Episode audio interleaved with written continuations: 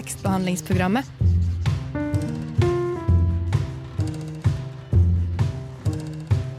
Tekstbehandling på radio.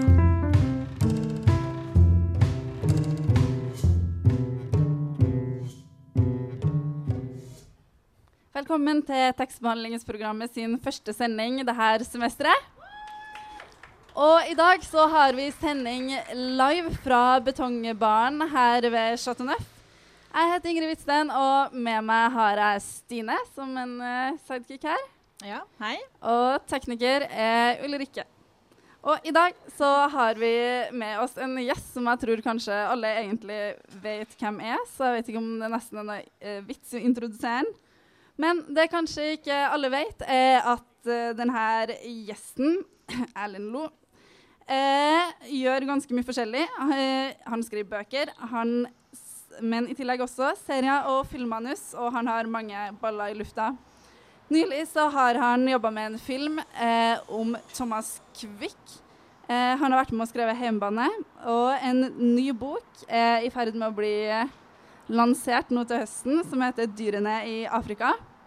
Og i tillegg til det igjen, så skriver han også en hel drøss med filmanmeldelser. Velkommen hit til oss, Erlend Lo.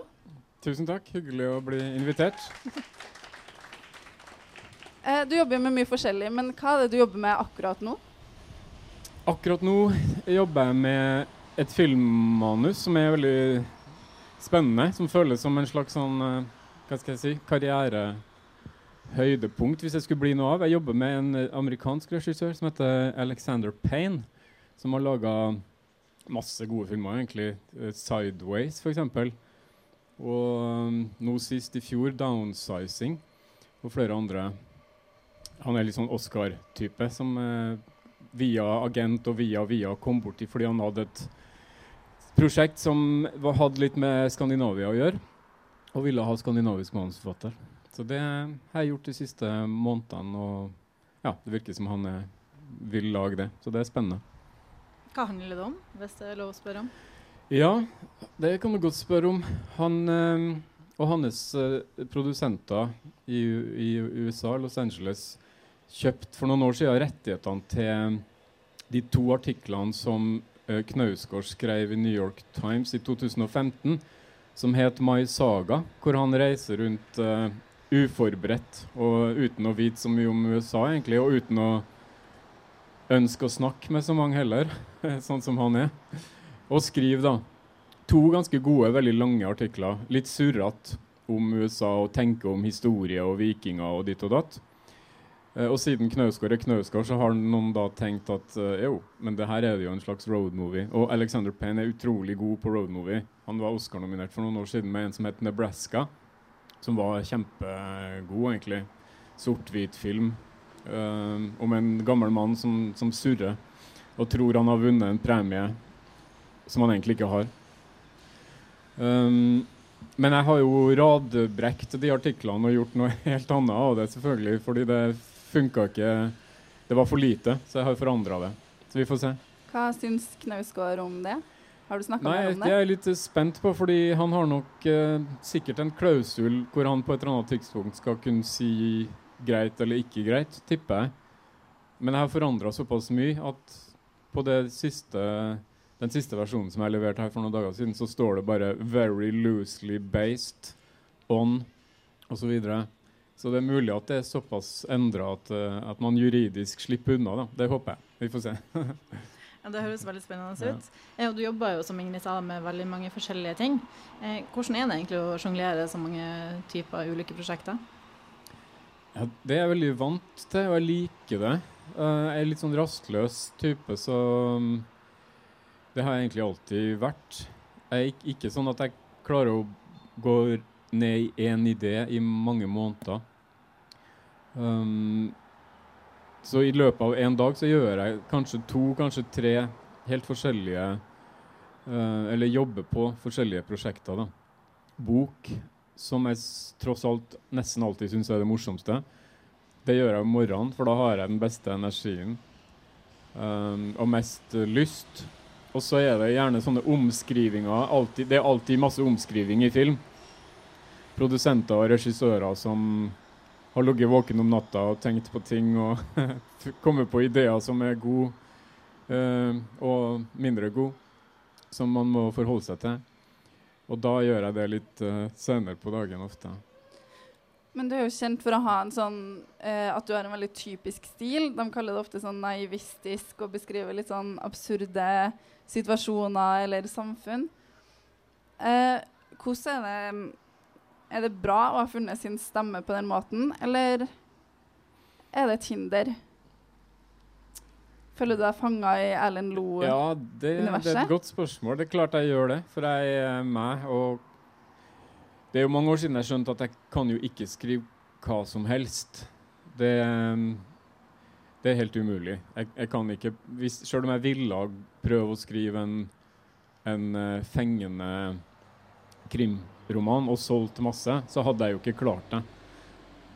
det. Jeg har ikke øvd på det, og det jeg er ikke interessert nok i det. Og jeg behersker ikke den stilen.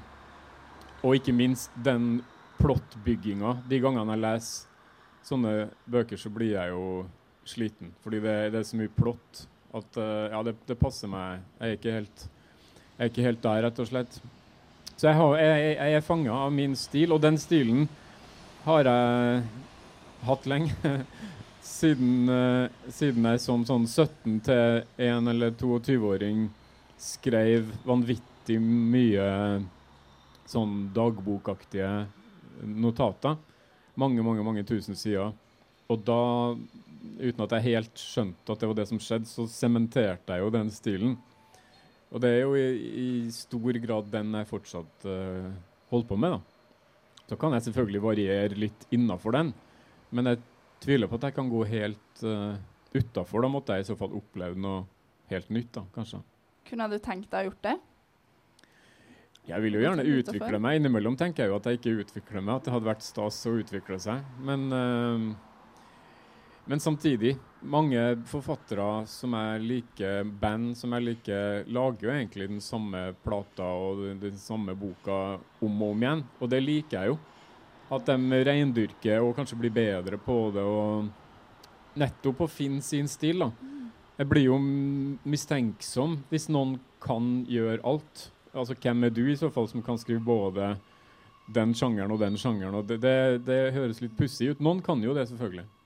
Men uh, ja, jeg håper jo at jeg kan overraske meg sjøl siden jeg prøver innimellom, og det er vanskelig. Jeg har skrevet for eksempel, eh, brukt lang tid på å skrive noe som jeg trodde skulle være en sånn bestselgende ungdomsroman, og det viste seg jo at det kunne jeg jo ikke.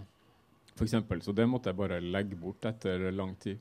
Ja, Så den er ikke gitt ut heller? Nei, nei, den uh, blir aldri gitt ut. Men, Men hva, hva, var det som gjorde at du ikke kunne skrive det? Godt spørsmål. Det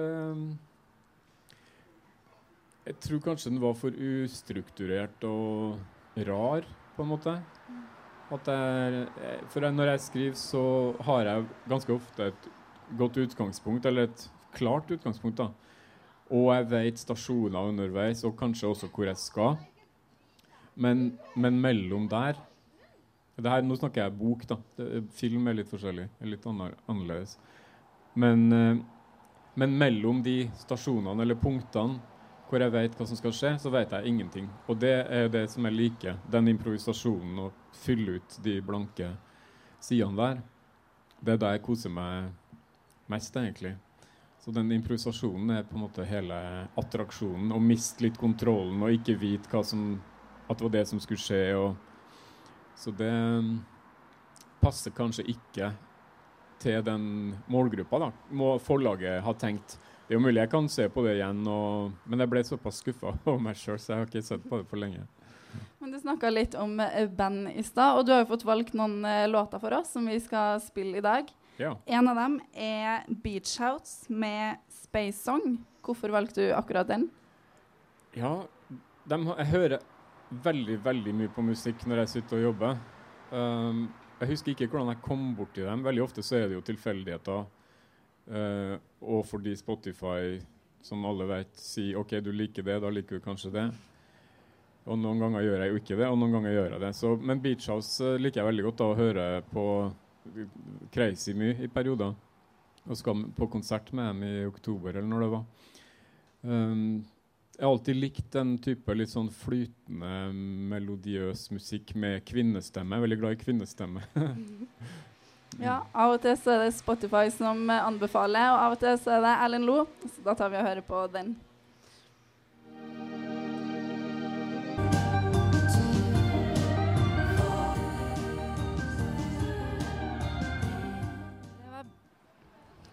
Det var Beach House med Space Song. Og vi har fremdeles Erlend Lo på besøk. eh, og han skal gi ut bok nå i september. Stemmer ikke det? Jo. Og den nye boka di, den heter 'Dyrene i Afrika'. Eh, og vi har jo ennå ikke fått lest den, da, for den har jo ikke kommet ut. Men kan du røpe litt om hva boka di handler om? Ja, det klart jeg kan. Um, den er litt delikat, så jeg må veie mine ord nesten. Men, men uh, for noen år siden så skrev jeg sammen med to uh, som jeg deler kontor med, og har gjort i mange år. Per Skreiner og en som heter Bjørn Olav Johannessen. Uh, en TV-serie som, som het 'Kampen for tilværelsen', som gikk på NRK, og som nå ligger på HBO Nordic om livet liksom, i Ullevål hageby. Det er en ganske sånn mørk eh, satire over middelklasseliv i Norge. Hvilke problemer man har hvis man egentlig ikke trenger å ha problemer, men kan velge seg egne problemer. Og en av dem, i, en av de karakterene, heter Vidkun og har en uh, tilbøyelighet som fordømmes stort sett av samfunnet som har med dyr å gjøre. Han oppfører seg annerledes med dyr enn en enn de fleste av oss. Og det Den ideen eh, hadde jeg hatt en god stund før den TV-serien om å skrive en film, tenkte jeg da. Om eh, en, en gruppe. eh, opprinnelig var gruppa bare menn, i min idé. Som ikke drar til Afrika for å skyte de fem mest kjente dyrene, men for å ha seg med dem. da. Eh, det var ideen. Og den skulle hete Big Five, fordi de dyrene kalles Big Five. Sant? Det er de dyrene som er vanskeligst å jakte på til fots, da, tradisjonelt. Som er løve og elefant og neshorn, leopard og bøffel. Um, og det tenkte jeg kunne være en uh, ja, i forlengelsen av den satiren som Altså Kampen for tilværelsen, så er det ja, det er mye som kan legges i det, da. Eh, norske middelklassefolk som, som gjør sånt. Det kan være et bilde på mangt. For der er det vel han Vidkun uh, og familien har veldig lyst på hund, men han er veldig Det er sant. Uh, redd eller finner veldig mange grunn, andre grunner da, Ja. til at de ikke skal ha hund i den I familien. første episode i den serien så er det en scene som er rundt ti minutter lang, hvor ungene og kona diskuterer muligheten av å få hund, og Vidkun har stadig mer irrasjonelle grunner for, eh, og argumenter for å, kanskje at de ikke skal ha hund. da. Så skjønner vi jo ikke hvorfor han uh, sier det. Men hvor fikk du vekk fra ideen om film og over til bok? Um, ja, Det er jeg litt usikker på, men det er ganske mye lettere å skrive bok, og jeg har veldig mye mer kontroll, og jeg kan bli mye drøyere. Særlig det stoffet her, som ikke sånn sett egner seg grafisk for film i det hele tatt. da.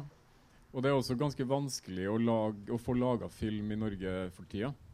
Det er altså sånne litt rare, skeive småfilmer, artaktige filmer, som det gikk an å få lag for 10-15 år siden. Det er knallhardt å lage nå. Um, så det, den tanken slo jeg fra meg, egentlig.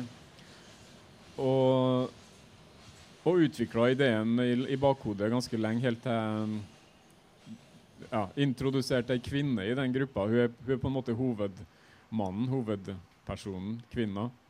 Or, den organiserende krafta i det her um, prosjektet. da.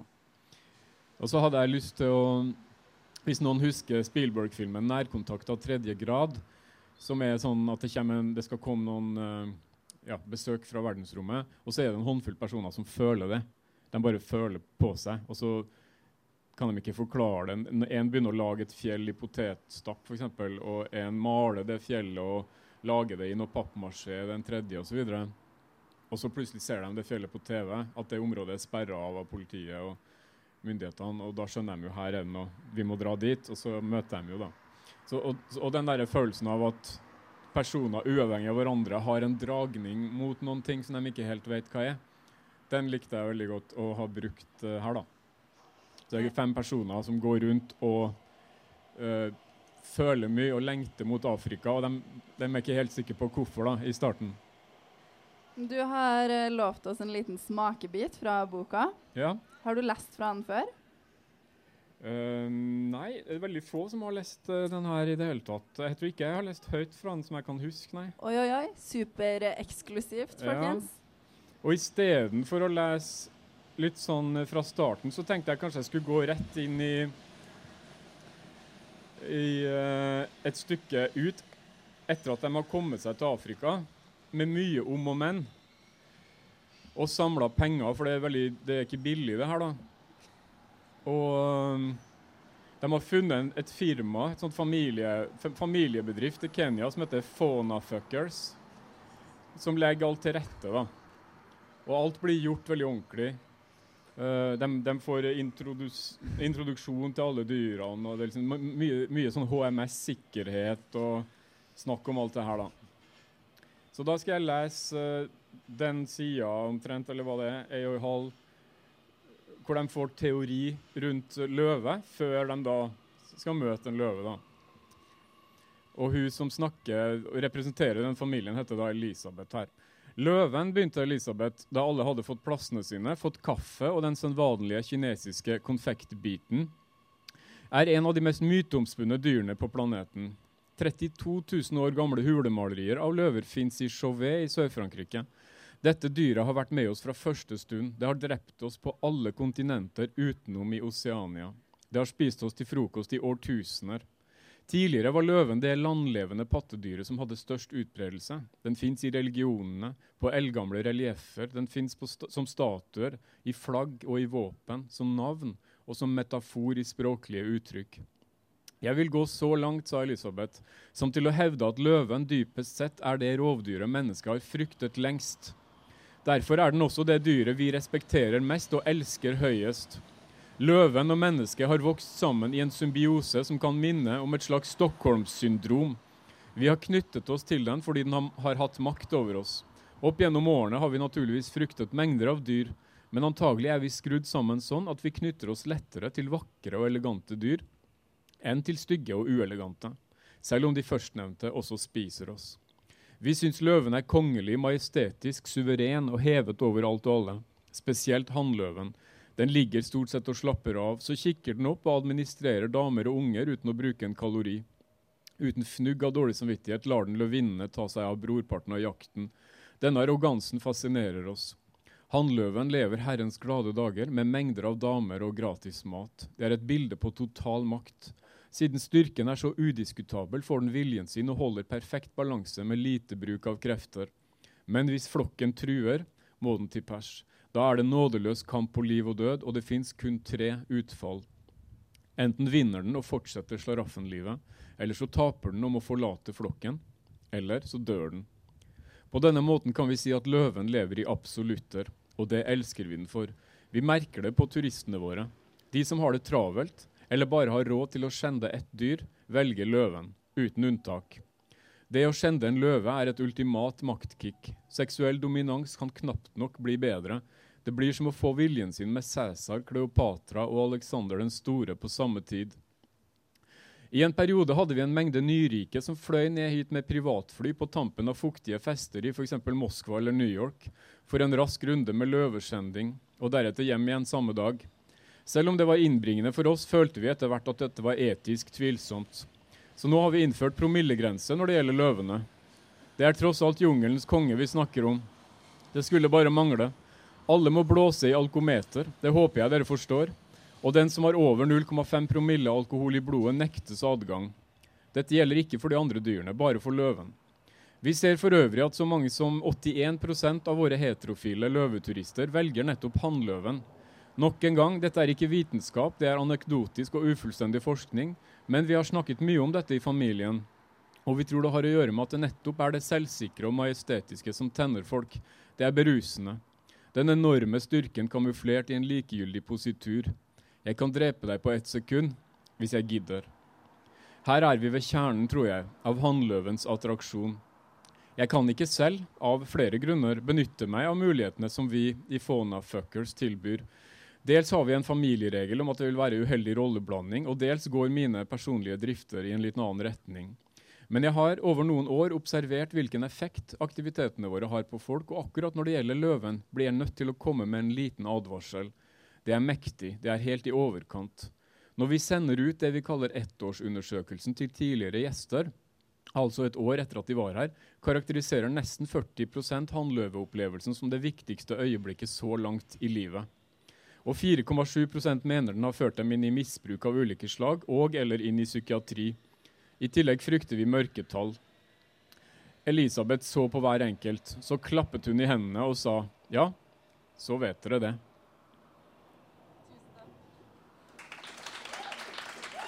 Takk, takk. Tusen takk for at uh, vi fikk en liten eksklusiv smakeprøve der. Uh, da tenkte jeg at vi skulle høre på den neste sangen du har valgt ut for oss. Det er 'Tåstrøm'. Har du lyst til å introdusere den sjøl? Uh, eh, ja.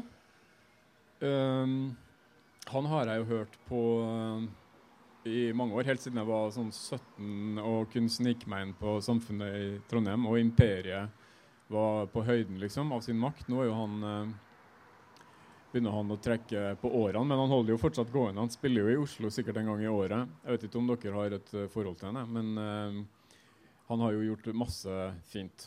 Og den sangen her har jeg hørt uh, mye på og liker godt. Den heter 'Ned mot terminalen'.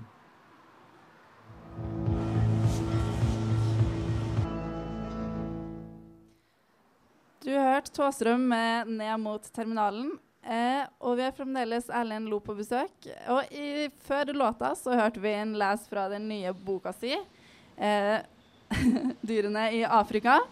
Veldig spennende. Og du har også sagt uh, at du liker best å skrive bøker heller enn manus. Hvorfor det? Jeg liker jo begge deler, og jeg gjør begge deler nesten daglig. Men bok er tross alt det som jeg syns er aller morsomst Eh, og det handler nok om at det er bare mitt. Altså det, det er sånn som jeg går med i bakhodet over lang tid og former og lurer på hvordan jeg kan gjøre, og koser meg veldig med. Um, og har full kontroll på, og ingen sånn sett kan si at det skal være sånn eller sånn. Og der er jo film helt annerledes, sånn, for det koster mye penger, og det er masse meninger i, i spill mange sterke ego, med god grunn. For det skal jo bli eh, også noe helt annet. Det skal bli et helt annet produkt. Så må Det ligger mye mer i kortene at en, at en film må treffe et publikum og selv. Selvfølgelig ikke alltid, men veldig veldig ofte. Mens ei bok spiller sånn sett ikke sånn all verdens rolle, da. Om den ikke treffer publikummet sitt akkurat da den kommer ut. Um, så det er en annen frihet i det um, som jeg blir veldig uh, som jeg er veldig glad i. da. Men samtidig gjør jeg jo mange av de andre tingene nettopp for å slippe å skrive roman hele tida. Fordi hvis jeg måtte, det, så tror jeg at det hadde slutta å være morsomt. Hvis jeg måtte skrive en roman i året for å kunne betale melk og, og brød, så hadde det blitt en stressgreie. Sånn at øh, nå, nå, blir det å skrive en roman en slags sånn øh, ja, Ferie blir jo overdriv, men, men ikke helt likevel. fordi det blir en, en, friplass som jeg gleder meg veldig til og kan ta, ta, ut mye energi. Og jeg gjør det heller ikke hvert år. Jeg gjør det kanskje hvert tredje år, eller uh, hvordan det nå er. Noen ganger hvert andre år. Men jobber hele tida konstant med, ja, med filmmanus og, og TV-greier og, og, andre ting. Så det holder meg gående, da. Så innimellom er det ofte sånn at jeg lengter etter å sette meg ned og skrive bok, og det syns jeg er en veldig god lengsel. Og det er noe helt annet enn å våkne og tenke åh, oh, jeg må skrive bok i dag, og jeg må finne på noe. Hva skal det være? Dit vil jeg aldri, da. Det, for det, det framstår for meg som en veldig fæl situasjon. Under låta så sa du, eller snakka litt om at du leser uh, bøkene dine på lydbok sjøl. Mm. Eh, men når du skriver manus, tenker du veldig mye over hvem som skal fremføre replikkene da? Nei, det kan jeg ikke, for det er ikke manusforfatteren sin oppgave. Så det er veldig sjelden jeg ser for meg konkrete personer eller steder eller, eller, noe som helst. Jeg har jo skjønt etter hvert at jo, jo mer konkret man klarer å skrive som manusforfatter, jo, jo, jo, mer større sjanse er det for at regissøren er nødt til å legge seg ganske tett på det du skriver. Men, men hvis man har for uh, hva skal jeg si, sanselig forhold til et filmmanus, at det må være den fargen fordi det står i det manuset, og den skuespilleren må jo ha sånn hår fordi det er faktisk skrevet her, og det må være en Volvo og alt det der, så kommer du til å bli skuffa, liksom. Så det, det, der har jeg eh, Ja, det, det, er ikke noe farlig for meg. Og jeg for lenge siden innfunnet meg med at uh, et manus er på en måte, det er jo et innspill. sant? Det er, et, uh, det er en corner, og så er det noen andre som skal banke den i mål, og som får æren for det. Og sånn må det være. Hvis det hadde vært superviktig for meg å ha hele kontrollen, så måtte jeg jo blitt uh, regissør uh, sjøl, da. Og det kan det jo hende jeg blir en dag, men uh, ikke foreløpig. Men uh, i serien 'Heimebane', f.eks., som du har vært med og skrevet, så er dere jo flere um, manusforfattere. Jeg lurer litt på Hvordan er egentlig det samarbeidet? Er det sånn at dere skriver en episode hver, eller er det sånn at dere samarbeider tett hele veien? Her er det sånn at uh, en uh, veldig smart ung manusforfatter som heter Johan Fasting, har på en måte hatt uh, ideen. Og så har han uh, utvikla den fram til et visst punkt. Og så har han invitert med andre, andre meg. da. Jeg skrev én av de ti episodene. Det var noen andre som skrev to, kanskje. Og så har han skrevet flere. Pluss at han har vært inn og skrevet samkjørt inn på alle episodene. da. Sånn at det får en, en helhetlig uh, look. Fordi det er såpass komplekst at til slutt så er det nok bare én. Uh, altså det er smart at det er én som sitter og har hele overblikket. Og som skjønner at hvis du gjør den endringa på side 14 i manus 3, så må man da, og som husker at det får konsekvenser på side 48 i episode 8, det, det kreves sitt, altså.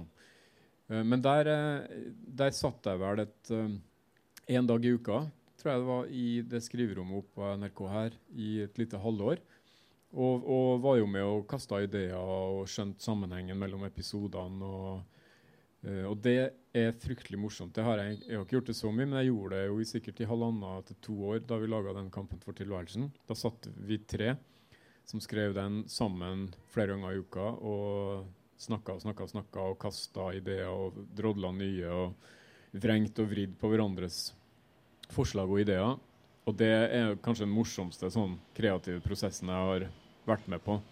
For det skjer så utrolig mye på en time som ikke ville ha skjedd hvis jeg satt alene. Da hadde det kanskje tatt meg måneder å forstå at den ideen burde vært vridd på en annen måte. Mens når du sitter med noen, riktignok noen som man kjenner og stoler på, så går det veldig fort. Og så blir det ikke noe prestisje i det. Det blir, det blir, morsomt. Og så glemmer man at den ideen egentlig var min, fordi det du nettopp gjorde, gjør den bare 100 ganger bedre. Veldig morsom eh, prosess. Og, og, litt det samme var det da i, eh, med hjemmebane, sjøl om jeg, der var jeg mye mer en perifer eh, brikke. da. Hmm. Men det var morsomt lell. Du har jo også skrevet manus til en uh, svensk film eh, om Thomas Quick. Eh, ja. Eh, så vidt jeg forsto, så er den det manuset da, basert på ei bok som andre har skrevet igjen. Ja, det er jo sikkert alle her husker Thomas Quick, eller vet hvem han er. Men det er også en, en svenske som heter Sture Bergwall, som på 90-tallet ble um, tok på seg at han var psykiatrisk pasient og tok på seg en mengde drap um, som det nå i 2015. Først så ble han frikjent uh, for alle. Han har ikke drept noen. Uh, lite tyder på det. Så han uh, var en Det er ganske komplisert selvfølgelig for politiet og psykiatri og juss og jussen å gjennomskue. Men han tro, ganske troverdig, men likevel helt uten tekniske bevis, tok på seg masse drap. da. Skandale i Sverige selvfølgelig, og um, stort trauma egentlig for hele befolkninga at, at, det kan skje i et moderne, demokratisk land med solide institusjoner. Ja, det har jeg skrevet manus på. Uh, et svensk produksjonsselskap som ba meg gjøre det. Og den eh, filmen eh, skal i opptak, så vidt jeg forstår, i løpet av september eller oktober. Ja. Mm. Hvordan er det å skrive manus som er basert på en bok, også når det er en sånn sak som er såpass eh, Ja, komplisert og alvorlig? da? Det er jo noe annet enn det jeg har gjort stort sett. Fordi eh, vanligvis så finner jeg jo på ting og bruker eller lever av fantasi og påfunn. Men her eh, kunne jeg jo ikke det. Så her måtte jeg forholde meg veldig Lese utrolig mye dokumenter og bøker og se dokumentarstoff. Og prøve å gjenskape den historien på hva det nå blir, da. En og en halv time, to timer. Um, som er ganske omfattende. Det, på en måte burde det ha vært en seks-åtte episoders uh, serie på Netflix liksom, eller HBO. Men jeg har prøvd å komprimere det, og, og det er utrolig spennende og opprørende stoff. Men om det, om det kan uh, funke som film, det, det håper jeg jo. Det gjenstår å se. Har du noen gang skrevet manus på egne bøker? Um, Filmmanus? Ja, jeg har det, men eh, jeg har gjort det til Doppler, som, som eh, et norsk produksjonsselskap eh, har på en måte liggende i uh, pipelinen, som det bruker å hete, som, som, som kanskje blir noe av etter hvert. Og så har jeg gjort det på en roman som jeg skrev som heter 'Vareopptelling', som handler om ei, eh, en kvinnelig lyriker som eh, gir ut en diktsamling og håper å få gode kritikker alkoholisert og nedfor og nedkjørt. Og så går det ganske dårlig. Og oppsøker bl.a. en sånn kritiker fra Universitas og vold, voldfører seg på han. Den har jeg også skrevet manus på. Den var en filmidé før jeg skrev en bok. Og der laga jeg sammen med en god kompis en pilot og var instruktør eller regissør sjøl for noen år siden. Eh, så vi laga 15 minutter av den historien bare for å få penger til å gå videre. da med Anne Marit Jacobsen i den uh, rollen. Det var egentlig ganske fint. Så før eller siden håper jeg at vi kan fortsette med det. Da. Og Atle Antonsen som en sånn bokhandler som hun, hun møter oppå Akademika her. Debutromanen din 'Tatt av kvinnen' ble jo filmatisert for noen år siden. Da var det vel ikke du som skrev manus? Nei, dels hadde jeg ikke tid, og dels hadde jeg ikke lyst. Jeg hadde heller ikke lyst til å ha noe ansvar for det. Så da de ba meg godkjenne manuset, så sa jeg at det var bra, men jeg, leste, leste aldri. Så, og den filmen syns jeg jo funker ganske bra, men eh, det er veldig forskjellig Naturlig nok, på en måte, for det er et helt annet medium. Men det som jeg syns er rarest der, er jo, og som egentlig er et veldig godt sånn, eksempel på forskjell mellom bok og film ofte, er jo at boka er, toner seg sjøl litt ned og later som den ikke er så morsom. Den er egentlig ganske morsom, men den later, tror jeg, som om den ikke er så morsom. da. To, toner humoren litt ned, mens filmen gjør det motsatte. Maser det opp. Og det syns jeg alltid er mindre sjarmerende, da. Når ting mases opp, enn når det mases ned. Vi skal høre den siste sangen du valgte ut for oss uh, i dag. Det er Colter Wall med 'Snake Mountain Blues'. Det, var, det tror jeg også er sånn Spotify-greie. Det kommer innom mye rart. Men han, han er jo en eh, 22-23 år gammel eh, fyr fra USA som eh, har en stemme som høres ut som eh, liksom Johnny Cash rett før han eh, dør. Og det er fascinerende. Og mye av musikken er også bra. Jeg er jo ikke noen stor kjenner av country, men akkurat det her må jeg si jeg respekterer. Hmm.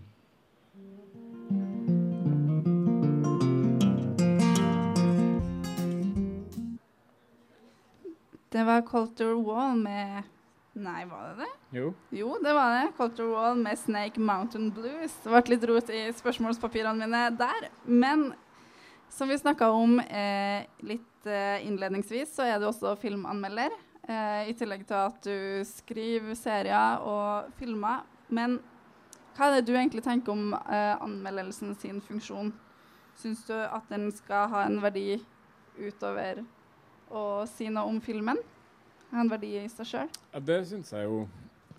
Jeg er jo ikke noen stor eh, hva skal jeg si, anmelder eller kritiker, teoretiker. Men eh, jeg er rett og slett så glad i å se film til alle døgnets tider at da jeg ble spurt om det, sjøl om jeg ofte ikke har helt tid til å gjøre det, så er jeg såpass glad i det at jeg gjør det likevel. Uh, og jeg liker å se dårlige filmer om morgenen og gode filmer, og det spiller nesten ingen rolle. Så det er den viktigste årsaken, egentlig. Uh, pluss at jeg har jo holdt på med å sett mye film siden jeg var 15 år. Og studert film og gått på filmskole, så jeg har liksom pusta film veldig lenge. Og syns jo også at det er ganske sånn uh, hva skal jeg si, oppdragende å være nødt til å forholde seg til hvorfor noe funker og hvorfor noe ikke funker. Det lærer jeg mye av sjøl. For jeg har jo sett mange filmer før jeg begynte å skrive eh, anmeldelser. Og det er lett å gå ut og bare tenke at den var litt sånn og litt sånn, men når du skal faktisk sette ord på det, så er det en helt annen prosess som er ganske nyttig. Men jeg, jeg syns jo at en filmanmeldelse skal være eh, altså en et stykke journalistikk som er tiltrekkende å lese i seg sjøl. At man ikke skal pøse på med alt man husker fra universitetet og teorier og den ene name-droppinga etter den andre. Um, det fins jo anmeldere som kan gjøre det i visse typer publikasjoner, og jeg kan ha stor glede av det. Men det, det er fort uh, gjennomsiktig hvis det er for å holde opp en slags uh, uh, hva skal jeg si fasade av, av, hvor det lukter at man er redd for å bli avslørt. Og så er det jo selvfølgelig det som jeg syns også er pinlig, som en del gjør, er jo at det er fryktelig, fryktelig mye referat av filmen. Jo, nå skal du høre den filmen her handler om noen som gjør sånn, og så går de dit, og så skjer det. Um, så, så det prøver jeg jo å unngå helt, hvis jeg kan. Jeg har en slags konkurranse med meg sjøl om hvor lite jeg kan fortelle om hva den filmen egentlig handler om. Da. Og så syns jeg jo at det skal være kanskje morsomt å lese. Um, så det, det, er ofte det jeg fokuserer på. Og så liker jeg egentlig at uh, anmeldelsene i Aftenposten ikke er så fryktelig lang. Det, jeg bruker ikke så lang tid på å skrive dem. Um, og kan kan konsentrere meg om uh, noen få punkter som jeg ofte har notert meg underveis. Da. Det rareste synes jeg med å anmelde er jo at av og til må det gå veldig fort. Særlig litt sånne såkalte storfilmer som jeg alltid ler av. når det, Man må levere fra seg mobiltelefonen på vei inn, og så sitter sånne vakter med, med nattkikkert både foran og bak sant, og ser om du tar opp eller om du, hva du gjør. da.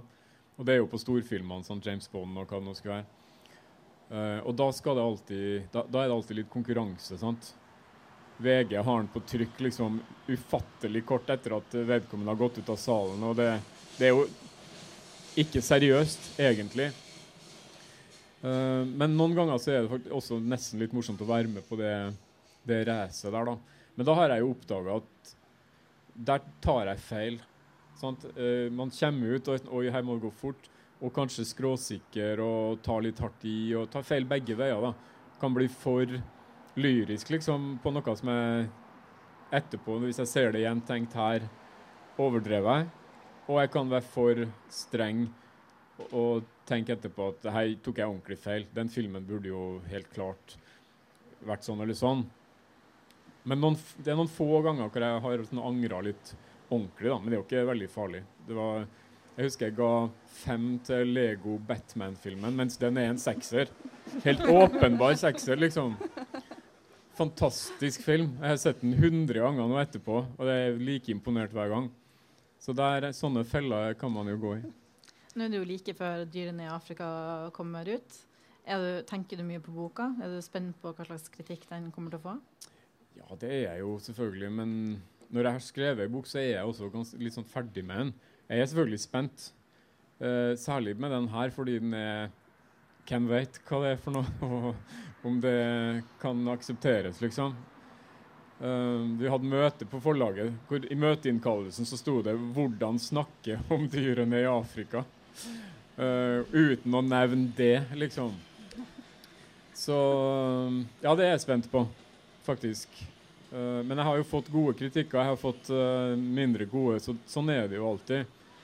Og jeg har flere bein å stå på, så jeg, jeg, jeg dør ikke. Men det er veldig veldig mye morsommere å få gode kritikker enn å få middels eller dårlige. Sånn er det jo bare. Men tror du spenningsnivået har endra seg siden du starta å skrive? Uh, at er gode kritikker var gode kritikker viktigere da enn hva det er nå? Nei, jeg tror det alltid er Man drømmer jo alltid om å få en telefon tidlig om morgenen. og 'Har du sett sånn, og det er fantastisk', og lo overgår seg sjøl og sånn. Det er jo det man drømmer om. Uh, men når det ikke skjer, så er det ganske, tar jeg det ganske edruelig. Den dagen kan være litt fæl, og så neste dag så brukes jo de avisene til å tenne opp i peisen, og så glemmer de aller fleste det ganske fort. da. Men eh, som sagt, det, det er nervøsitet knytta til det. Og det er, det er ydmykende. Og særlig hvis en kritiker tar, altså river ting som jeg har tenkt mye på, mener mye med, og tar det for lett. Um, henger seg opp i, i, feil ting, misforstår osv. Alt det der som jeg ikke kan Jeg kommer aldri til å svare på det, på en måte. Uh, for da taper jeg bare uansett. Det er frustrerende. Og sånn er det bare. Vi begynner å nærme oss slutten med stormskritt, men jeg har et par spørsmål som jeg lurer på om du kan svare på litt sånn kjapt, som jeg har veldig lyst til å ha med. Fordi jeg har hørt nemlig at uh, Fordi bøkene dine er ofte på sånn videregående ungdomsskolepensum eller på de boklista. Jeg har hørt at uh, du får mange oppringninger fra uh, elever som har lyst på hjelp til å analysere dine bøker fra forfatteren sjøl. Stemmer det? Ja, mange vet jeg ikke. Gjennom årene har jeg jo fått fryktelig mange. Og jeg hadde sånn nettside på et tidspunkt hvor jeg skulle svare, men da var det liksom 5000-6000 ubesvarte mailer, og da ga jeg opp. Det er mange år siden. Så jeg tror det har dempa seg litt. Uh, men det hender jo jeg får telefoner, og da prøver jeg jo å være hyggelig. Og veldig ofte, eller det er mange år siden jeg gjennomskua at de fleste av dem har egentlig bare lyst til å si til læreren at de snakka med forfatteren. Så det er egentlig samme for dem hva jeg sier. Så sånn sett er det jo enkelt. Men hvorfor gidder du å svare dem, da? Hvis det, må du ikke tenke det er jo alltid selv, hyggeligere å være uh, imøtekommende. Ja. Det er jo det. Men har du sett bøkene dine med litt sånn annet blikk ved å måtte analysere dem så mye for elever? Jeg har egentlig ikke analysert dem så mye, for det sier jeg det må de gjøre uh, sjøl. Um, men det er mange morsomme problemstillinger, og, uten at jeg husker så mange. Så jeg har ledd, ledd mye at um, Og jeg prøver jo ofte å si, hvis jeg er på videregående skole, at uh, ja, jeg har også gått på skole og hatt akkurat samme frustrasjonen. Læreren ber oss finne masse ting i de bøkene som vi ikke ser, og som forfatteren sikkert ikke har tenkt på. Så hva er vitsen? Og da støtter jeg jo dem litt i det, da. Det, det er ofte sånn. Forfatteren har antagelig ikke tenkt på det. Så de har rett. Ja. Jeg har noen tips da, som du kan gi til studenter. Uh, Sånn at de slipper å, å ringe deg, at de slipper å rive seg i håret? Bare noen kort hvis du skal Hvis de skal skrive om mine ting? Mm. Nei, det har jeg ikke. Da snakker du om studenter, ikke videregående elever? Eller videregående elever, da. Ja, jeg syns det er litt forskjell, nesten. Fordi studenter burde på en måte klare å nærme seg det sjøl, Videregående elever syns jeg er litt søtere. Det, der er det greit enda at de ikke har skjønt hvordan de skal gjøre ting, da. Uh, men de mest seriøse tar jo kontakt på mail og har formulert ferdig noen spørsmål. De mest useriøse tar kontakt og, og, og, skal levere på mandag, som er om fire timer, og, og lurer på om jeg kan hjelpe dem med en problemstilling. Så, og, veldig, og, hvilke virkemidler bruker jeg. og sånn. Så de sitter med boka sant, og noen notater og, kan egentlig veldig, veldig lite. da. Og da gir jeg jo blanke. Og med det så må vi si tusen takk for at du kom på besøk til oss. Ellen Lo, det har vært veldig veldig hyggelig å ha deg her. Takk sjøl.